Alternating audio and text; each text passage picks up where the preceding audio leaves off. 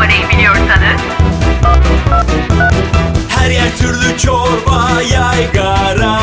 Heves vardı çıktık yollara. Sokak yorgun kulak kapalı.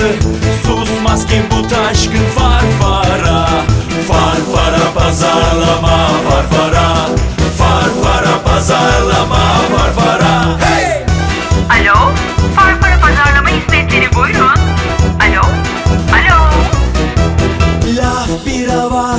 Fikir yarımlara Çağ geçti geçmedi gargara Derdimiz serbest, yeni bir nefes Oyun için biz de sevdik farfara Farfara pazarlama farfara Farfara pazarlama farfara Hey! Huhu! Pabucu yarım, çık dışarıya oynayalım Huhu! Pabucu yarım, çık dışarıya oynayalım Farfara Pazarlama'nın 8. bölümünden hepinize merhabalar.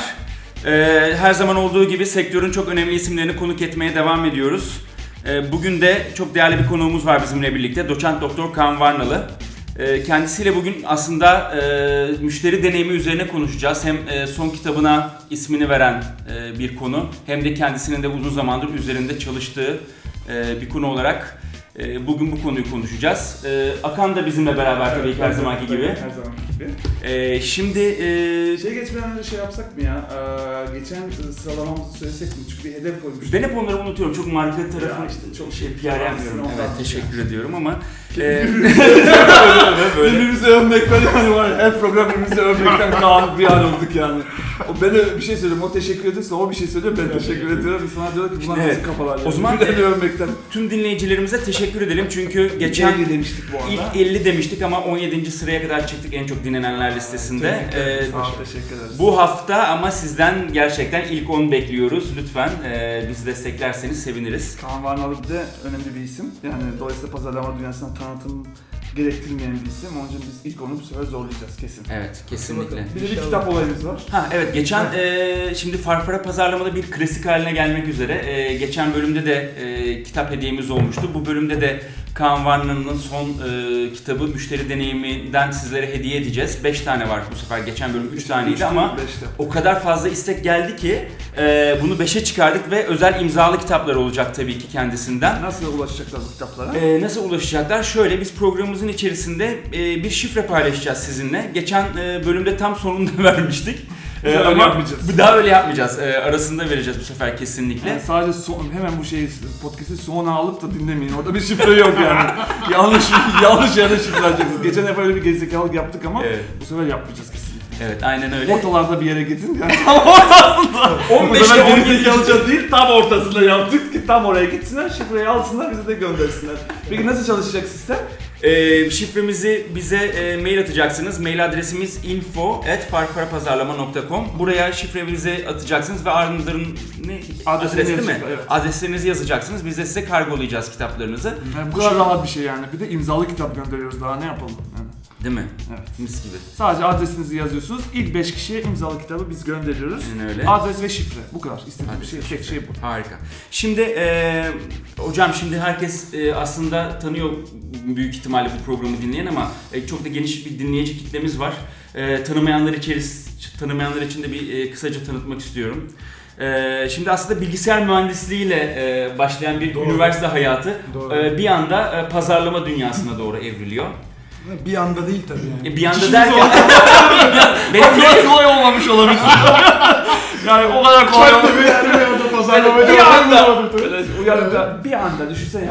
Artık pazarlamacı oldum ya. ama şimdi bilgisayar mühendisliği çok kısa yani sadece lisans Ee, dönemi değil mi? Ya Sonrasında- çıkınca e, bir, bir süre tabii çalıştım koder olarak. Hmm. Evet ama yani bir Tabii bilgisayar onlar bir biyografi köşe. bilgilerinde Aynen ve yok. ben tek başıma yani bir dedim ki ben böyle böyle herkes zor zor bu iş. Kaan'ı biz tanımasak da olur dedik. Aynen. Evet yani peki bir anda evet yani sonra- Pazarlamacı olmaya karar verdik. Ee, ondan sonra e, pazarlama alanında ama şu anda uzun seneler akademisyen olarak e, devam. Gerçekten Yetenek. akademisyen misin? Şu anda Ee, tabii. Öylesin ama bir taraftan da böyle aa, akademisyen ismin mi? Ya bu çok özel bir soru olacak. Abi. Akademisyen ismiyle mi tanınıyorsun daha çok piyasada? Pazarlamadaki şeyinle mi, o bilginle mi tanınıyorsun? Akan çok canavar bir soru oldu bu. Yani bir akademisyen Türkiye'de yanlış bir kullanılan bir sıfat aslında. Yani akademisyen misin? Evet kendine bir sürü Ya şöyle diyeyim ben sana. Ben akademisyenim ve pazar piyasada da bir akademisyen kimliğiyle aslında şirketlere girip çıktığım için tanınıyorum. Öyle mi? Evet. Yani e, temel olarak aslında katkım hep metodoloji tarafında olduğu için. Yani sistem kurmak ve sistem geliştirmek ve bunun hani e, işletilebilir, sürdürülebilir, e, hesap verebilir bir sistem olmasını sağladığım için. Bu aslında bilimin temelidir. Bilim bu şekilde akümüle eder. Dolayısıyla bir bilimsel gelişme sürecini alıp şirketlere, e, markalara, süreçlere uyguladığınız zaman aslında hani benim şirketlere katkım böyle oluyor. Evet. Dolayısıyla evet akademisyenim. E, akademisyen bana göre şu demek, e, bilim e, üreten, birimi paylaşan insan demek. E, ben oldukça aslında e, hayatıma yani akademik hayatıma veyahut da sektör hayatıma bilimsel yaptığım araştırmalarla bu araştırmaların çıktılarını iyi mecralarda, iyi akademik mecralarda basarak, dolayısıyla bilimi üretip paylaşarak e, geldiğim için evet akademisyenim. Okey. Ama e, tabii e, akademisyen misin şu anda? Yalnız akademisyen misin? İşte ben o Aa, soruyu tam zor bir soru. sordum. Evet. Çünkü gerçekten normalde ak- ak- akademisyenlerden e, yararlanmaya çalışan çok ciddi bir pazar var vesaire ama bir taraftan da hem güçlü bir akademisyen olmak hem pazarlama dünyasında ciddi rekabetçi bir e, danışman olmak noktasından çok fazla isim sayamıyorum ben. Ama Orada Hakan, sen aslında sayab- şöyle söyleyeyim. Seni sayabiliyorum mesela. Teşekkür Ve ederim. Çok aka- sadece akademisyenlikle değil aslında bu işi o akademik bilgiyi gerçekten pratiğe uygulayacak az sayıda akademisyen var ya onlardan birisi sen misin gibi geliyor bana. Eyvallah abi teşekkür ederim. Bir e, işte bu Türkiye'de yanlış kullanılıyor hikayesi orada. Türkiye'de garip bir nedenden dolayı mesela e, akademi ile iş dünyasının birbirinden ayrı durduğu bir gerçekle karşı Çok karşıyayız. laflarımıza da düşmüş bir şey. ya. Düşmüş bir şey Evet. yani. E, bilim ya bu her taraf için yani. Akademi tarafında da çoğu zaman iş dünyasına fazla bulaşana e, sen akademik saflığını kaybettin e, bakış Diyorlar, açısıyla da bakılıyor olabilir Evet. yani. Dolayısıyla ama Amerika'da e, pazarlama biliminin Çok doğduğu yakın. kıtada iş dünyasının içine e, boğazına kadar batmamış bir Çok- iyi akademisyen bulmak Yok. o kadar da kolay değil. İmkansız neredeyse. Evet, çok evet. yakın çalışıyorlar. birbirine. Evet, kesinlikle. O yüzden de yıllardır e, aslında markalara en üst düzeyde aslında danışmanlıklar verip bir yandan da Bilgi Üniversitesi'nde yıllarca iletişim e, fakültesinde dekan yardımcılığı yaptın. Aynı zamanda Marka Okulu diye bir yüksek lisans programında kurucususun. E, bir- Birçok alanda aslında e, hem iş hem akademik dünyada böyle e, Türkiye'de ender görülen isimlerden birisin diye düşünüyorum. Vay teşekkür ederim. Bunca övgüyle bu programa başladığıma göre artık Yaşasın, benden de yaşasın. bekliyorsanız yani bu programda. Şimdi, şimdi artık gerçek Evet, oynamaya diyelim. tamam. Gerçek hayata şimdi birazdan Evet. gireceğiz zaten. Şimdi e, tabii yani çalışma alanlarının içinde aslında birçok e, şey görebiliriz. Yani online topluluklardan davranışsal modellemelere, işte sosyal medyada marka iletişiminden müşteri deneyimine bayağı geniş bir e, çerçeven var ama biz bugün özellikle müşteri deneyimi e, kısmını konuşmak istiyoruz. Çok güncel bir konu. Ee, çok güncel bir konu. Ee, son kitabında e, müşteri deneyimi üzerine ben de okudum. Bayağı e, gerçekten çok somut örneklerle e, hem e, iş dünyasını hem iş dünyasının dışında olup da bu alana merak duyan kişilerin e, faydalanabileceği bir kitap.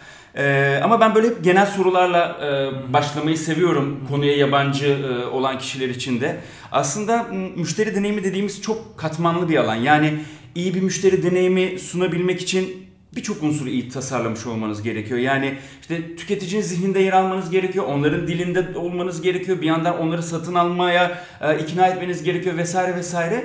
E, bunları yapmanız için birçok aslında disiplinden faydalanmanız gerekiyor. İşte sosyal psikoloji, e, nörobilim, e, iletişim vesaire vesaire Antropolojiye kadar gidiyor açıkçası. antropolojiye kadar gidiyor. Yani şimdi e, bir de bu süreçte bir uzun bir süreç e, cesaretli ve dirençli olmak gerekiyor. Yani böyle o kadar çok bir şey üst üste biniyor ki böyle karşıdan bir anda bakan insanlar ya ne kadar zor bir şey biz buna hiç girmeyelim hiç buna bulaşmayalım bile diyebilir. Hani hakikaten bu çok zor bir süreç mi?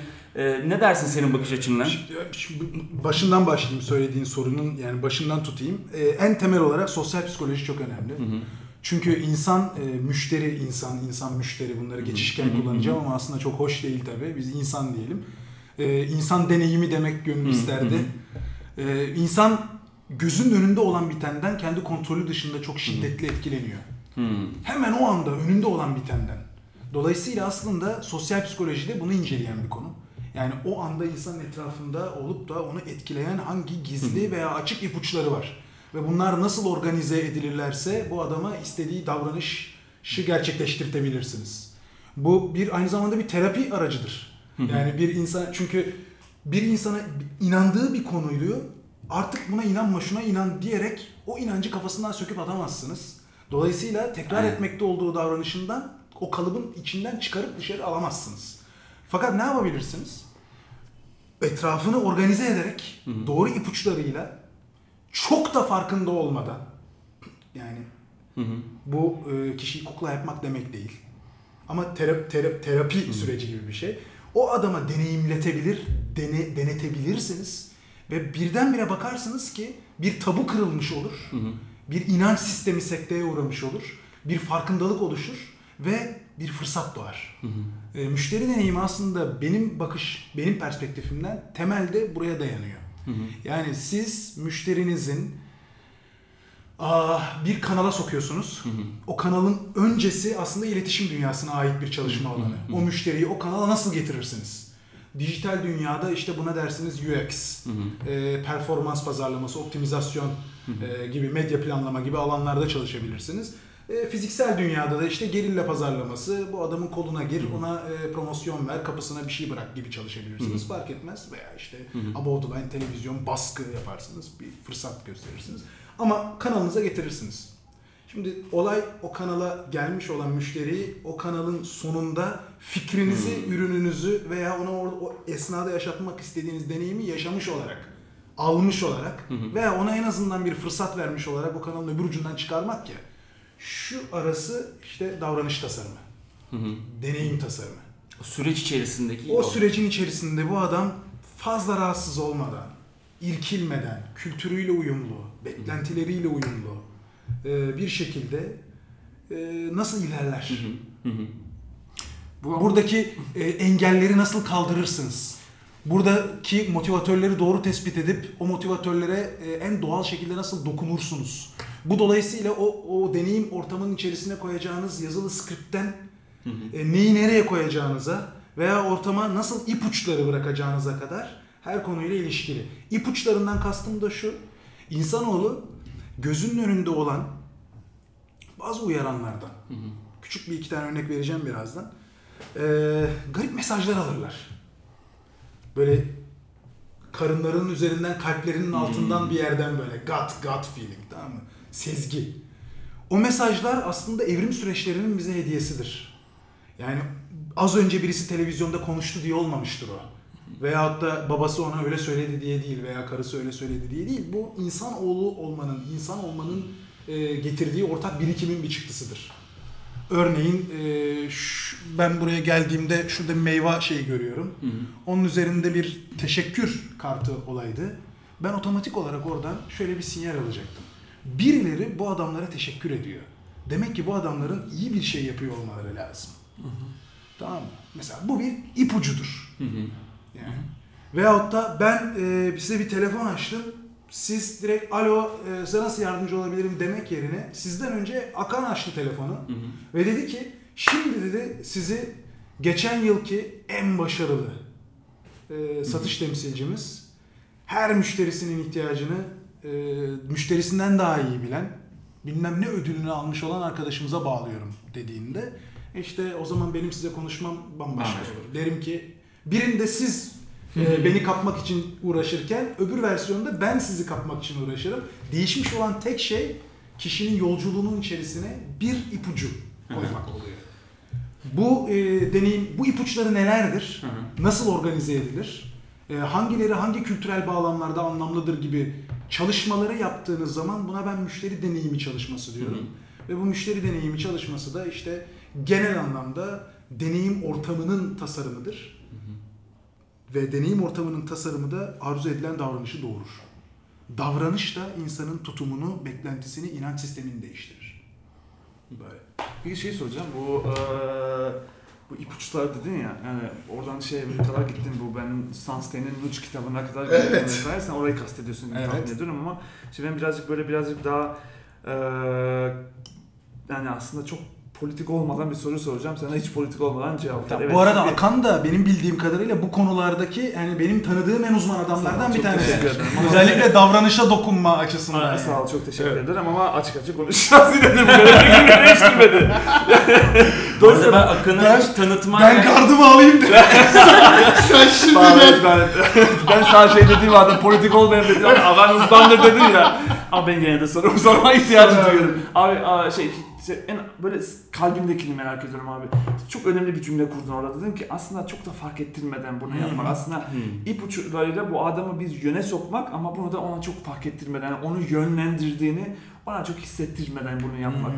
Ee, işte birazdan ba- başka sorularım olacak. Gerçekten Türkiye deneyim yönetebiliyor mu diye bir soru soracağım. Tamam. Ama bu biraz belki bir erken bir soru olacak. Biz deneyimi iyi yapanlar bile çok mu aşikar yapıyorlar? Ben böyle bir sorum olacak sana. Çünkü, çünkü böyle deneyim çok iyi deneyim yapan markalar bile çok birbirlerinin kopyası olmaya başladılar ya. Evet. Birazcık çok böyle aş, bu, koyuyorlar bu arada o yönlendiricileri. Tabii. Bu markaların bir sürüsüyle de sen çalışıyorsun ve bunlar zaten yönlendiriyorsun gibi geliyor bana ama Yok yok öyle değil. ama bazen de birazcık böyle bir çok da aşikar mı yapıyorlar diye. Çünkü Nurcu okuduğunda aslında o bilinç altına oynuyor ve aslında onu yönlendiriyor. Yani şeyden bile verdiği opsiyonlarda bile bir özgürlük sunmuyor. Opsiyonları bile böyle Kesinlikle. seçiyor. Yönlendiriyor ama bunu çok aşikar yapmıyor. Çünkü aşikar olduğu anda deneyim olmaktan çıkıp kobaya dönüyorsun ya. Ben bir tane sorum hiç politik soruyu bile sorma yarım saatimi aldı. Soruyu soruyorum. Çok mu iyi yapanlar bile çok mu aşikar yapıyorlar? Yani aşikardan kastın ne Hakan Yani ya? böyle yani gözüne sokarak gözüne sokarak yönlendirme hep aynı efendimi kullan. Aynen. İşte buradan şöyle başvur, şöyle Kalıplar ilgilen. yani. Biraz çok o skriptler çok mu böyle hayatımıza girdi ve yani hiç böyle bir deneyimi özelleştirecek bir şeyden çok böyle bütün o yönlendiricilerin Bu- çok küçük hissedildiği bir dünyaya kanala mı döndü? Ya bunun iki nedeni var. Bir tanesini sen e, ben daha konuşmaya başlarken hemen anlayacaksın cevabının ne olduğunu. Bir tanesi e, deneyime etki eden faktörleri kurumların nasıl tespit ettiğiyle yani araştırmanın kendisiyle ilgili. Şimdi e, dolayısıyla siz sahaya çıkıp bir araştırma firması olarak firmanın kendisi de bunu e, şey diyor çalışıyor olabilir. Ama neyin aslında özgür bir beyaz bir sayfayla sahaya çıkmak yerine ön kabullerinizden hangileri konusunda başarılı veya başarısız olduğunu araştırmaya başlarsanız ön kabul olarak da piyasadaki en iyi markaların pratiklerini benchmark alırsanız örneğin A firması efendim diye hitap ediyor. Acaba benim personelim efendim diye hitap ediyor mu? 5 üzerine 3 çıktı. E zaten öbür taraftan çalmaya çalıştığınız müşteriye de "E, efendim e, size neden kendini iyi hissettirdi diye sorduğunuzda çünkü efendi dedi bana e, dediği için. E siz de gidip efendi dedirtiyorsunuz. Bu biraz aslında e, çıkmaz Evet, ne denir oldu. Self-fulfilling prophecy yani kendi kendini doğuruyor bu tamam mı bu iş?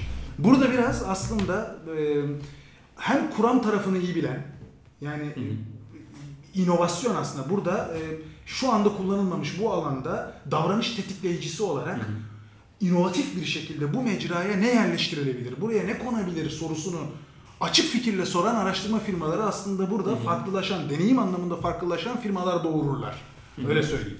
Çünkü yoksa e, şimdi şöyle söyleyeyim mesela piyasada sık uygulanan e, deneyim araştırmalarının birçoğunda şablon soru seti kullanılır. İşte bu çok önemli. Ben Çok o- önemli bir konu. Çok Şimdi şablon konu. soru setini kullandığınız zaman bir Aynı marka- sorarsan aynı aynı soruyu cevabı alırsın. sorarsan aynı cevabı alırsın Evet. ve günün sonunda bütün markalara da ne aynı, yani bir takım başarı kriterlerinde aynı öğütleri verirsin. Evet. E, Dolayısıyla da günün sonunda hepsi birbirine benzer.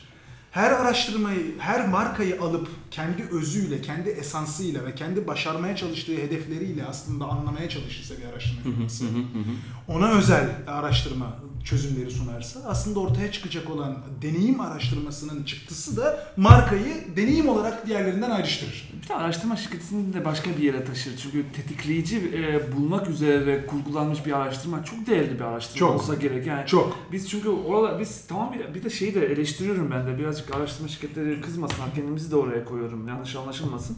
Ama çok böyle tespitte kalmamızın sebeplerinden bir tanesi de bu. Yani tespit yapabiliyoruz ama tespitin altına gerçek içgörü bulmak, tetikleyici bulmak için başka kafalar gerektiriyor. Yani deneyimi gerçekten derin anlamaya gerektiriyor ama biz birazcık ön kabullerle yaklaşıyoruz. Ve biraz kendimizi şeye de taşımış durumdayız. Yani deneyimin e, yarattığı sonucu tespit edelim Bravo. ama e, gerekli içgörüleri vermesek de olur. Yani gibi bir şeydeyiz yani açıkçası.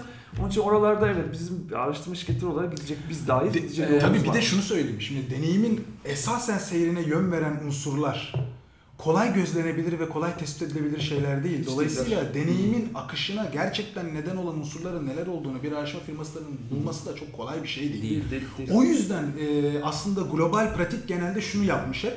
E, MPS gibi veyahut da benzeri bir takım e, kolay ölçülebilir, deneyimin çıktısı olarak yorumlanabilecek bir takım metrikler bulmuşlar. Bu metrikler aynı zamanda benchmark metrikleri haline gelmiş. E, dolayısıyla bunları ölçüp ondan sonra firmalara bak abi e, seni tavsiye etmiyorlar e, veyahut da memnuniyet skorun şu alanda düşük. E, neden olabilir konusunda ya bir follow-up araştırma teklifi götürülüyor ki bence uygun gayet iyi. Veyahut da e, şöyle bir şey geliyor. Şablon soru seti kullanılarak bir matematiksel model üzerinden çıktı üretilmeye çalışılıyor. Nedir? Sorduğum 10 sorunun 3. sorusu ve 7. sorusunun e, işte MPS ile e, anlamlı bir ilişkide olduğunu görüyorum. Dolayısıyla e, buraya yatırım yapmanız lazım çek- şeklinde bir çıktı. Bu arada biz sana anlatmadım sana belki de ama Ozan'la şu anda ona yakın üniversiteye gideceğiz bu sene. Ve ona yakın üniversitede aslında bir tane sunumumuz var. Tam da buna odaklanıyoruz. Biz bu arada NPS, NTS falan, SS falan, Customer Effort Score tabii ki karşı değiliz. Biz de ölçüyoruz. Tabii ki ben de karşı Sen, değilim. sen de değilsin çünkü sen de biliyorum ki ölçtürüyorsun. Ama Tabii. biz şu, şu noktada birazcık bazı e, yaklaşımda değişikliklerin gerektiğini düşünüyoruz. O da şu. E, ölçülebilir her şey çok daha değerli algılandığı için tüketicinin şeyin yani pazarlamacının kafasında NPS benim için en straightforward, en düzgün ölçülebilecek bir e, KPI ise o zaman NPS'i artırayım. Nasıl yapayım? 10 bin kişiye soracağıma 200 bin kişiye sorayım. O zaman daha çok NPS dinlersem daha sağlam karar veririz e, diye düşünüyoruz. Biz işte burada birazcık hataların yapıldığını, NPS'in de alınması gerektiğini ama aslında pazarlamada pazarlamanın her kanalında olduğu gibi e, şeyde de deneyim tarafında da şöyle bir problem olduğunu düşünüyoruz. Deneyim tarafında bilinmeyenden bir yerden saldırı yiyebilirsin. Senin araştırmaların bilinmeyeni göstermiyorsa sadece bilineni yani kolay ulaşabildiğin datayı artırmak yerine birazcık derinleşmek de gerekiyor. Dolayısıyla Doğru. biz kanalda hata yaptığımız yeri görmek yerine NPS'te hep şablonlarla gidersek bilinenin sadece şeyini artırıyoruz, sayısını artırıyoruz. Biz bilenin sayısını, bilinenin sayısını artırmak yerine bilinmeyeni de görebileceğimiz bir araştırma dünyası hayalindeyiz açıkçası. Bir, bir, bir şey açacağım. Orada buraya. küçük. Biz o bilinmeyeni, e, çünkü sen bahsettiğin o kimsenin görmediği şablon dışı şeylere nasıl ulaşacağız ya? Nasıl gideceğiz? Sadece şu NPS ile yapamayacağımız kesin. Yani. Metaforlar. Bunlardan bir tanesi bu. Çünkü dile gelmeyen e, metaforla ancak yüzeye çıkar. Bir tanesi bu. İkincisi gerçekten ortamında gözlem. İşte Şimdi daha etnografik çalışmalar, etnografik çalışmalar, orada olmak. orada olmak. E, hı. evet. E, e, sadece soru sormak yerine, orada olduğunuz zaman da soru sormak yerine daha yaratıcı bir takım yaklaşımlar sergilemek. Oyun oynamak, boşluk doldurmak, rol yapmak, rol kesmek, e, kızmak, savaş oyunu oynamak falan gibi şeyler. Bunlar yani bunun gibi yaratıcı kurgular kurduğunuz zaman aslında insanların içi dışına çıkıyor. Çıkıyor. Ve için dışına çıkardığınız zaman ancak e, sonucu elde edebiliyorsunuz. Çünkü dışta kalan söylem e, az önce ona söylenmiş olan söylem. Aynen, az önce ezbere, duyduğu, evet. ezbere. Ve az önce duyduğunu zaten e, onu siz de duyabiliyorsunuz. Sadece medya araştırması Evet. yaparak onu alabilirsiniz zaten. Ben şeyi de ama düşünüyorum. Şimdi Akan e, dedi hani biz biraz daha farklı çözümler sunmalıyız falan ama bence burada aslında bir ortak işbirliği söz konusu. Yani araştırmacıya düşen rol kadar e, şirketlerin de pazarlama Çok. dünyasının da buna destek olan ve daha cesaretli o karar vericilerin daha cesaretli olması gerektiğini düşünüyorum. Çünkü yıllardır yapılan bazı ölçümleme teknikleri var ve hani onu takip ediyoruz. Acaba bu sene or, o çizgide neredeyiz'i düşünerek e, işte bu e, yaratıcılıktan e, uzaklaşılıyor giderek diye düşünüyorum. Çok. Bu arada ben bir şey söyleyeceğim. Ee, yanlış anlaşılmaması gereken bir konu var. Müşteri deneyimini bilinçaltına hitap eden unsurlarla oynamak seviyesini indirgemek çok tehlikeli bir şey. Çünkü bu değil müşteri deneyimi. Yani bunu ben aslında şunun için söyledim örnek olarak. Ee, üstün körü veya yüzeysel araştırmaların neden aslında çözüm üretmediğini veya hatta daha beter tehdit olduğunu anlatmak için bu, bu noktaya parmak bastım. Yoksa e, aman yani burada nörolojik oyunlarla veya gerek yok. e, Deneyim kişinin bilmediği e, veya aslında fark etmediği, farkındalığı dışında kişiyi kuklaya çevirmek falan gibi zannetmeyelim. Aman çünkü bu, bu amaç şu aslında. E, insan ihtiyaçlarıyla bu biyolojik ihtiyaçlar olabilir, fikirsel ihtiyaçlar olabilir, evrim süreçlerinin çıktısı ihtiyaçlar olabilir fark etmez. İhtiyaçlarıyla uyumlu bir hayat akışı içerisinde olduğu sürece dengede oluyor tamam mı? Bu dengeyi anlayıp kişiye bu dengeyi sunabilmektir aslında müşteri deneyiminin nihai çıktısı. Bu denge önemli. Yani kişiyi bir yere kadar manipüle edebilirsiniz. Oradan oynarsınız, buradan oynarsınız. Bu sürdürülebilir bir şey değil. Hatta ayyuka çıkar. e, rezil olursunuz. yani e, bu bir konu olur. E, o dolayısıyla aman yani öyle bir yere indirip bu konuyu öyle ele almamak lazım. Yani bu konu öyle Evet, evet. şeytanlık işi falan değil yani. Evet. Ee, peki şeyde... Peki e, şey var mı? Ee, Türkiye'de genelde deneyimi pazarlama dünyası anlamış durumda mı? E, Türkiye'de mi dünyada mı? Türkiye'de bence önce Türkiye'de. yani, evet, e, ya Bir de şöyle anlayanlar var abi son ya. 10 yıla İyi- göre iyi, iyi nasıl anlayanlar hissediyorsun? var. Mesela 10 yıl öncesi nasıldı? Bugün nasıl? Ya Yani çok bir çok iyi ivme var mı? Çok iyi anlayanlar var. Sana onu önce öyle söyleyeyim. Ee, çok biraz uzağında kalmış olanlar var. Ee, konvansiyonel bakış açısını hala koruyanlar var. Yani e, reklama basalım, çıktısını alalım ma giden var. Bu iş fiyat oyunudur. Gerisiyle gerisine karışmayın zaten aman falan diyenler var. E, çıktısını göremediğim şeye yatırım yapmam diyenler var. Dolayısıyla her telden çalan var. E, benim şu ana kadar temas ettiğim Ama insanlar. mesela sen arasında. çok temas ediyorsun ki e, e, hadi 5 10 yıl demeyeyim 5 yıl öncesine göre daha mı iyi? 5 yıl öncesine göre daha iyi. Çünkü mesela şimdi şirketlerde direkt müşteri deneyimiyle ilgilenen insanlar olmaya başladı. Ve dolayısıyla bu insanlar da bütçe kullanıyorlar, araştırma yaptırıyorlar, içgörü üretiyorlar. Bunu firmaların içindeki diğer e, paydaşlara yaymaya çalışıyorlar falan derken dolayısıyla müşterinin sesi kurumun içerisinde 5 yıl öncesine ve 10 yıl öncesine kıyasla daha gür çıkıyor. Şirketin içine doğru daha böyle bir kanalları var artık müşterinin. Fakat bu yani her müşteri departmanı da her müşteri deneyimi departmanı da müşteri deneyimiyle mi meşgul dersen hayır olmadıklarını da biliyorum yani. Peki burada şey çok özür dilerim araya gireceğim de e, genel bu deneyim departmanları olan da markalarda göz önünde bulundurarak, diğer markalarda göz önünde bulundurarak en çok böyle doğru bilinen ve ama yanlış olduğunu bildiğin ve ama en sık önüne çıkan şey nedir? Hangi cümleyi kuruyorlar en yanlış olarak? Ee, Yani bak, a- ilk, genel ilk olarak söyleyeyim. aman dediğin yer neresi oluyor? ilk ilk aman dediğim şey. Yani, aman bunu yapmayın, aman arkadaşlar. İlk aman dediğim şey, iki tane aman dediğim şey var. Birincisi e, çok nadir olan büyük sorunlar oluyor bazen. Nadir oluyor ama tamam mı? Ama büyük oluyor. Kurumun bütünü gidiyor yani. Ay, kurumun bütünü bundan korkuyor tamam mı yani? Aman başımıza böyle bir şey gelmesin diye. Fakat yani markalar tarihi veya hani bizim en azından e, derslerimize konu olmuş vakalardan falan bahsediyorum. Yani bu tip krizler değil aslında markaların gerçek korkması gereken şeyler. Daha küçük Ama daha e, sık tekrarlanması. sık tekrarlanan, e, gözünüzün önünde olup da çözmediğiniz Hmm. problemler. Kültüre sirayet etmiş olan problemler. Fakat müşteri buna takıyor. Buna bunu bunu biliyor müşteri ve kurumu e, şey yapıyor. Kurumu etiketliyor yani. Bu kurum böyle diye. Şimdi esas problem orada. Dolayısıyla e, kurumların genelde büyük projelere başlamadan önce ben onu daha şey küçük kazanımlar diyorum ama yani o aslında onlar küçük kazanım değil. Esasen onlar Damlaya gerçekten damlaya atılması gereken önemli adımlar tamam mı?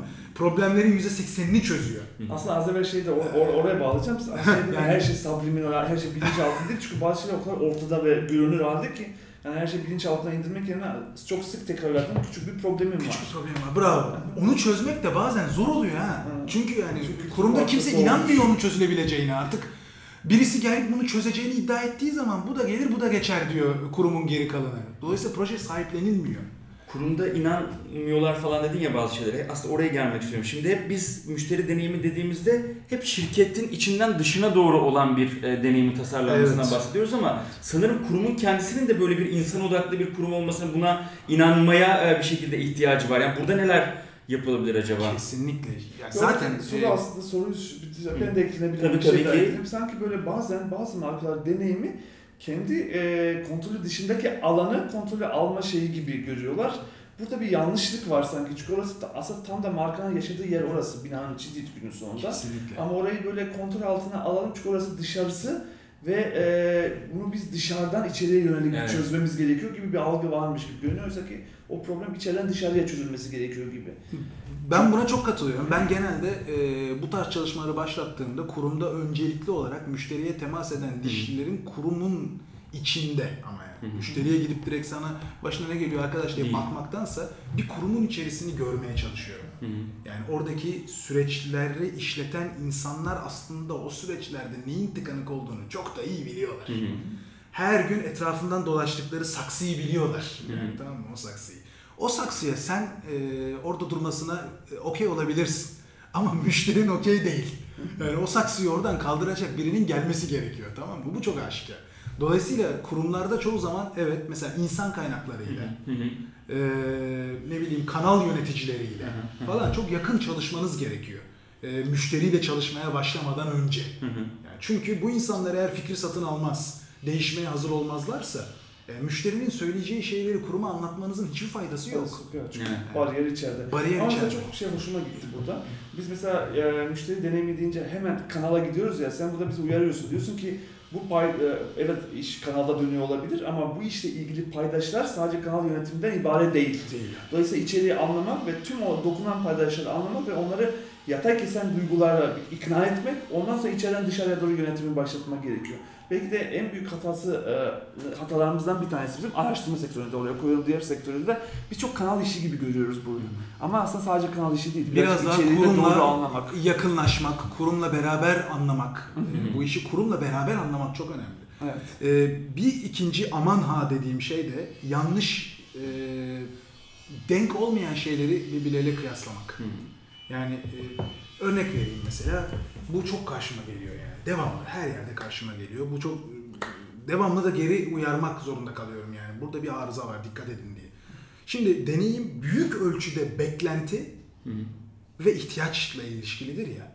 Ya bir firmanın çok nadirdir ki bir firma sadece bir yaş grubuyla veya bir kuşakla veya bir gelir grubuyla falan ilişkili olsun. Yani genelde biraz daha geniş Evet. alanlara tabii niş ve dikey Olmadığı markalardan bahsetmiyorum. Mass, kitlesel markalardan bahsediyorum. Ya işte orada maalesef araştırmalar şöyle kurgulanıyor. Çoğu zaman böyle görüyorum. Kurumun kendi içiyle ilgili ciddi bir kotalı çalışma yapılırken rakipler ve benchmarklarla ilgili tamamen serbest. Sonra da bunların skorları birbirleriyle karşılaştırılıyor. Yani maalesef ben burada birazcık dikkat edilmesi gerektiğini düşünüyorum. Gözden kaçıyor. Yani el- 50 yaşındaki bir insanın beklentisiyle e, öbür tarafta 35 yaş bandında kümelenmiş olan bir insan grubunun beklentisi denk olmadığı için aynı deneyim sürecine verecekleri skorlar da aynı olmayacaktır. Yani bu konuya çok dikkat etmek gerekiyor. Orada şey... e, Burada tabii şöyle bir zorluk var. Buna da e, önden açayım. Yani maalesef Türkiye'de e, özellikle Türkiye'de bir hastalık olduğunu düşünüyorum veya belki de gelişmekte olan ekonomilerin tamamına sirayet etmiş bir hastalık olabilir. Verinin veri denen şey temiz değil. Firmalar kendi müşterilerini veri bazında daha yeni yeni tanımaya başladılar. Vallahi şöyle söyleyeyim size konfirme ettim sana. Yönetemiyorlar yani. CRM'den aldığımız ve e, kendi müşterilerine ulaşmamız için aldığımız dataların büyük bir çoğu markalarda çoğunlukla kirli ve ulaşamıyoruz. Dönüyoruz diyoruz ki biraz bu datanız kirli mi acaba ve bunu çok sık söylemeye başladık. Çok sık söylemeye başladılar. Sanki kendi e, e, tüketicisini ve verisini çok markalar tanımıyormuş gibi bir durum var. Bunun Yani- birkaç temel nedeni var. Bir tanesi eskiye göre bu yeni dijital kanalların ve temas noktalarının müthiş artması nedeniyle aslında e, çoklu temas noktasından akan çok kompleks bir veri var. Bir veri tabanında birleşmeye çalışan. Ben dört ayrı noktadan temas ediyorum. O beni e, dört ayrı insan olarak kodlayabiliyor. E, ne bileyim ben e, fi tarihinde T tarihinde normalde 10 tane temas e, aslında alıp bunları sağlıklı işleyen ve öğrenen bir kurum bugün o T tarihinde 15 bin temas alabiliyor. Ve bu 15 bin teması ne filtreleyebilecek algoritmaları var içeride. Ne e, editörleri var bu datayla günlük o anda ilgilenebilecek falan filan. Böyle bir dağınık bir çalışma düzeni içerisinde. Ne oluyor dolayısıyla genel olarak gördüğümüz? Datayı mutlaka tut. Dolayısıyla al ve büyük bir veri havuzunda dump et.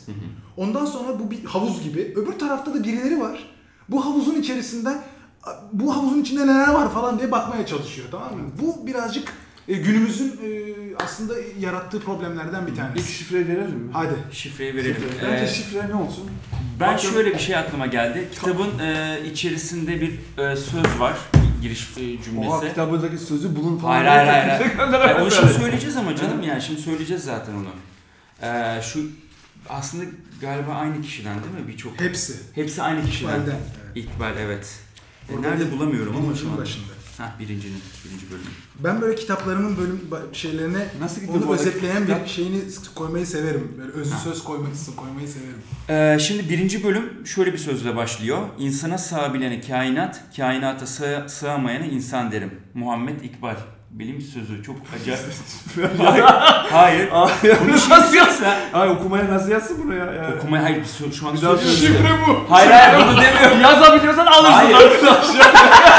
Abi böyle yani kolay mı sandınız? Kitap dediği pahalı bir şey ya kusura Hayır bakma. ya, onun bu içinden söz- bir tane seç abi. Kainat de mesela. Hayır hayır Ben- Muhammed İkbal'in sözü bu. Mesela İkbal de yani. Ay tamam işte Muhammed- çocuklar gider bu işte. Ama Ben- ben bu ben şeyi şey de düşünüyorum. söyleyeceğim. Bir dakika Muhammed İkbal e, kimdir? Bir neden bu, bu bütün e, sözler? Düşünürdür. Hepsi Ha. ondan değil. Ee, Ama birçok temel var. olarak insana dair düşünen ve insanın emellerine ve davranışlarına dair e, güzel yazılar yazan bir insandır. Hı. Ve bu ben niçin böyle bu, mesela böyle bir düşünüre veyahut da bir sürü kitabında bir sürü batılı düşünüre Hı falan da yer veririm yani önemli değil de. Ee, seçmemin temel nedeni şu aslında. Modern e, bilimin güncel yöntemler kullanarak varmakta olduğu sonuçlar bundan yüzyıllar öncesinde aslında e, böyle e, topraklanmış insanların evet. e, böyle e, top şeyinden gelen böyle ne bileyim kültüründen gelen ve kendi ürettiği özlü sözlere denk düşüyor ya ona şaşırıyorum. Yani Hmm. mesela bunun gibi şeylerle böyle karşılık buluyor. Yani yansıtma yapıyorum aslında. İyi o zaman bir daha okuyalım. ya. Bir daha Hayır okuyalım. söz değil ki benim zaten. Ben okuyayım her Şeyin, ya. e, Muhammed İkbal yazsınlar. Ha, iyi o zaman E, muhabbet. Tamam. Hem belki şifre araştır, bu, şifre araştır, bu. araştırmış olurlar belki onu da tanımış olurlar. Şifre bu, şifre bu. Bu ne diyor biliyor musun? İnsan bir kainattır. Tamam mı? Ve e, aslında kainata da sığamaz. O kadar büyüktür. Dolayısıyla bu bölümün de aslında gayesi İnsanı insanı anlamak ya. İşte böyle bir süslü Nasıl, başlangıç yapalım. nasıl dedik. ikinci baskı yapmışsınız çok kısa zamanda? Ee, bu da bitiyor. Şimdi üçüncü baskıya baskıya geçiyor. Evet. İyi gidiyor satışlar o Valla bu ilginçti çünkü 21 günde ilk baskısını tüketti. Bu benim ilk e, böyle bir şey gördüm yani ilk defa böyle bir şeye Çok denk geldim. hızlı. Hızlı tükendi. Peki biraz anekdot konuşsak mı ya? Konuşalım Yani ya. Sen çok anekdot Evet. yaşıyorsundur ve- vesaire. Mesela küçük, bir anekdot anlatayım. Zamanında e, bir tane marketin e, tazelik satışlarındaki azalmasının ana sebeplerinden bir tanesi aslında sepetlerinin kirli olması gibi. Yani böyle biz oradan bilinçaltı, bilinç dışı diye dünya ararken sonra aa birazcık sepetleri temizlesek daha iyi olacak bu işler. Tazelik çünkü tazelik ürünü koymak istemiyor kirli sepete Sepet gibi. derken ha fiziksel de sepetten fiziksel bahsediyorsun. sepete biz orada niye acaba? Acaba neden oldu bu Çok derken sonra güzelmiş. sepet, kirli sepete e, meyve sebze konmaz e, kafasından dolayı orayı çok almamaya gitmesi kadar. Sen böyle anekdotlarla çok karşılaşıyorsundur. Var mı böyle bir enteresan anlatabileceğin bir anekdot? Böyle gizli olmadığı sürece böyle Ay, deneyimi... bizden öte yani ne desem e, Yani böyle acayip komik şey görüyorsun yani bu kadar, bu kadar ortada ve açık ama aslında çok orada çok büyük araştırmalar yapılmış, milyon TL'ler harcanmış ama o kadar ortada ki yani yani onu düzelt dedin ne var böyle? Yani şöyle oluyor bir, bir şey maalesef öyle anekdot yani şöyle bam diye veremeyeceğim ama kurumlar şunu çok iyi biliyorum. Yani kurumdaki birisi sepetlerin pis olduğunu bence biliyor. Tamam mı? Yani biliyor. Ama yani bunun yaratabileceği kelebek etkisi gibi yani. Bunun yaratabileceği büyük sonucun ne olabileceği konusunda fikir sahibi değil.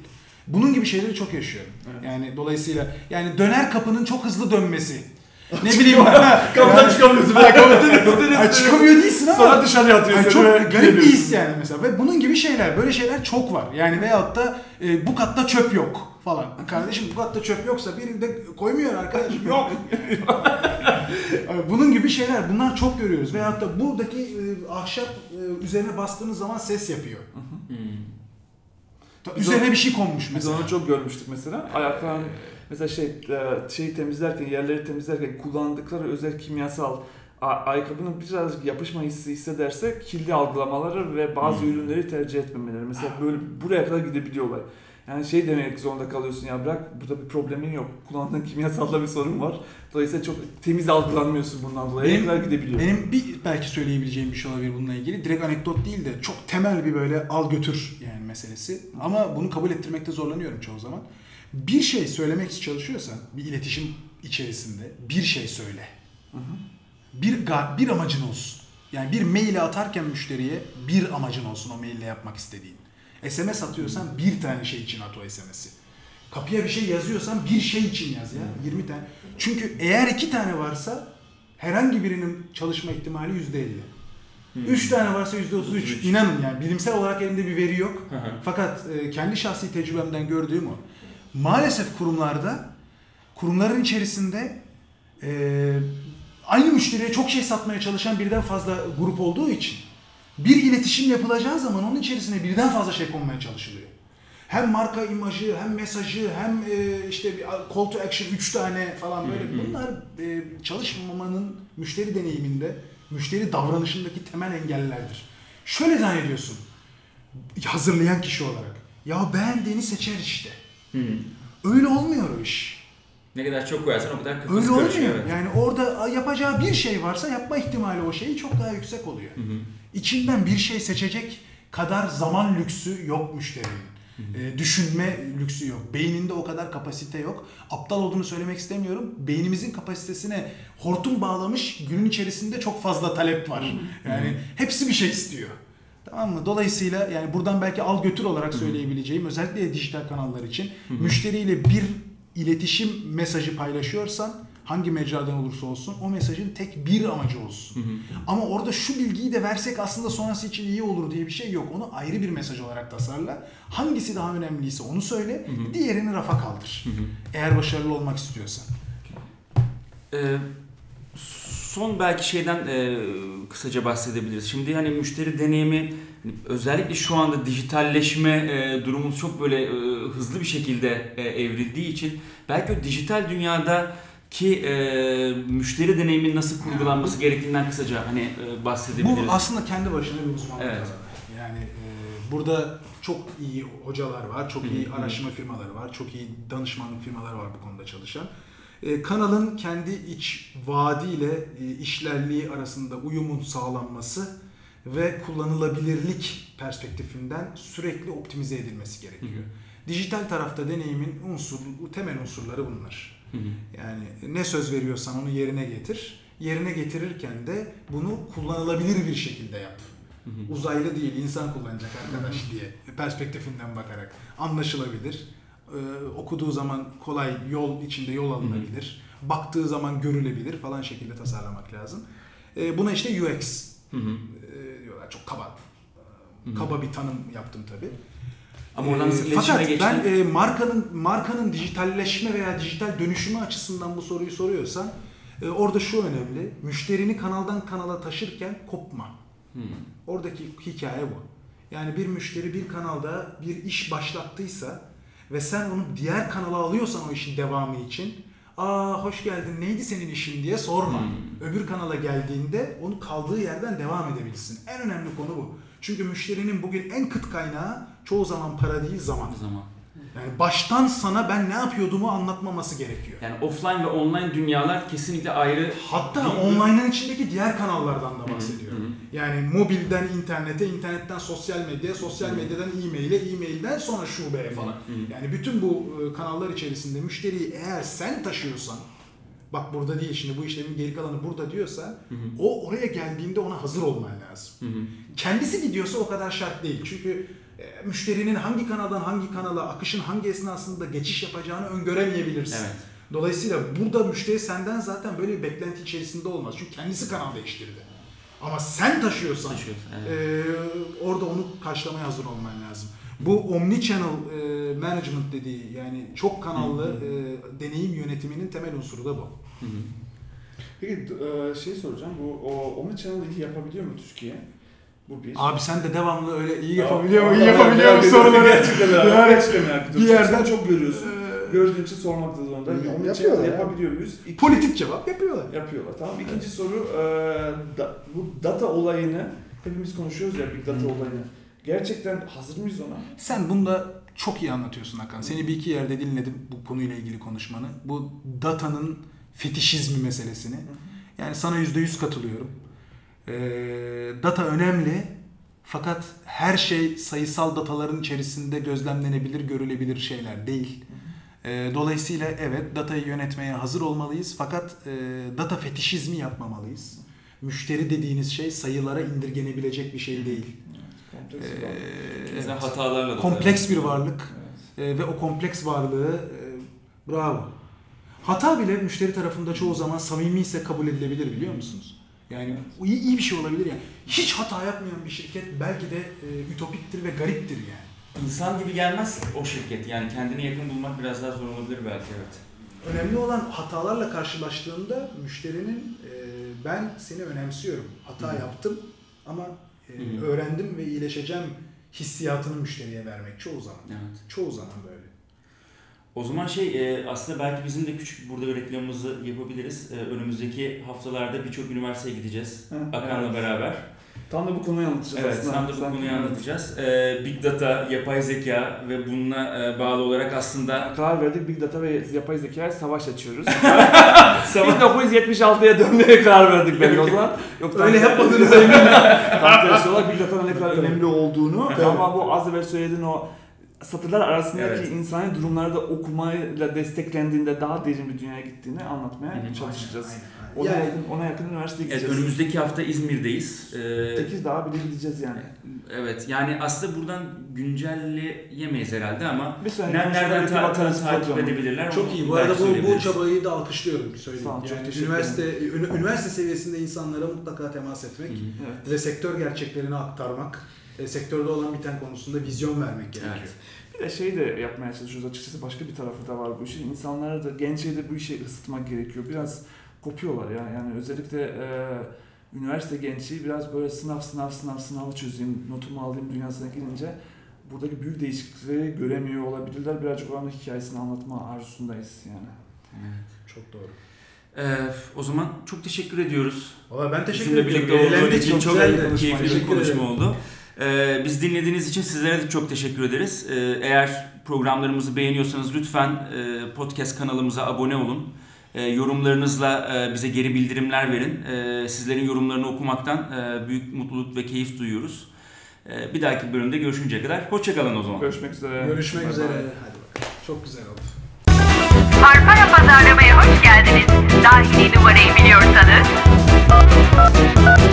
Her yer türlü çorba yaygara. Heves vardı çıktık yollara. Sokak yorgun kulak kapalı. Susmaz kim bu taşkın farfara Farfara pazarlama farfara Farfara pazarlama farfara Hey! Alo, Farfara Pazarlama hizmetleri buyurun. bir avaz Fikir yarımlara. Çağ geçti geçmedi gargara. Derdimi seves Yeni bir nefes. Oyun için biz de sevdik farfara. Farfara pazarlama farfara. Farfara pazarlama farfara. Hey! Uhu! Pabucu yarım çık dışarıya oynayalım. Uhu! Pabucu yarım çık